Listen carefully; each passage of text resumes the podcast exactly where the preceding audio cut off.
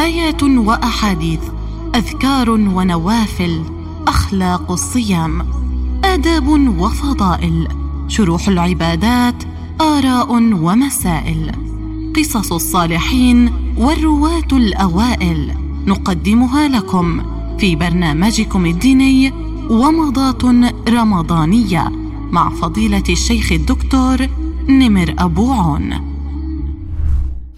هل يصح جمع نية القضاء مع نية صيام ست من شوال أي قضاء رمضان؟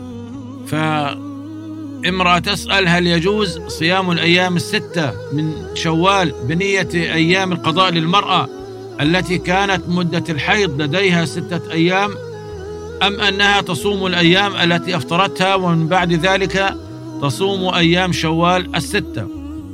نقول بالله التوفيق لا يجوز صيام ستة من, ستة من شوال بنية صيامها استنانا وقضاء عن ستة أيام من رمضان لأن ما فات صيامه من شهر رمضان لعذر جائز ولغير عذر كذلك يجب قضاؤه لقوله تعالى فمن كان منكم مريضا أو على سفر فعدة من أيام أخر وصيام ستة من شوال سنة لحديث أبي أيوب الأنصاري من صام عن النبي صلى الله عليه وسلم من صام رمضان ثم أتبعه ستا من شوال فذلك كصيام الدهر.